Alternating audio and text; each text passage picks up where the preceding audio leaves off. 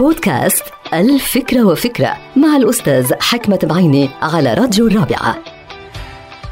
الفرق بين التفكير المنطقي والتفكير اللامنطقي هو أنه الأول أي التفكير المنطقي يجد الحقيقة قبل أن ينطق بها والثاني أي التفكير اللامنطقي ينطق بالحقيقة قبل أن يجدها. من المهم جدا أنه نحن نعتنق المنطق كأسلوب فكري بحياتنا حيث أنه النجاح بالحياة بيعتمد على الحقيقة اللي يجب أن نجدها أولا قبل أن ننطق بها. ولكن هناك صعوبة أحيانا في الوصول إلى الحقيقة خاصة هذه الأيام حيث تتضارب كثرة المعلومات من عدة جهات أو أحيانا لعدم وجود معلومات أو أدلة كافية للوصول إلى الحقيقة. وهناك أكثر من طريقة بيعتمدها الباحث للوصول إلى الحقيقة كالاستدلال الاستقرائي أو التسلسلي أو الاستدلال الاستنتاجي. ولكن عندما يواجه هذا الباحث شحا في المعلومات أو تضارب شاسع في مكونات تلك المعلومات يلجأ هذا الباحث عادة إلى الاستدلال المعقول.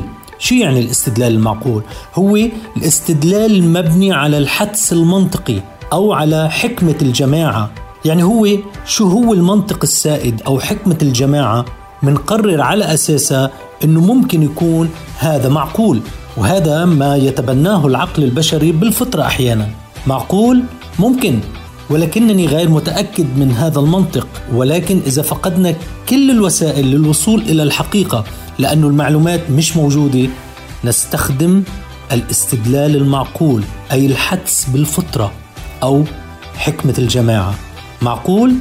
نعم انتهت الفكرة. هذه الحلقة مقتبسة من كتاب الفكرة وفكرة.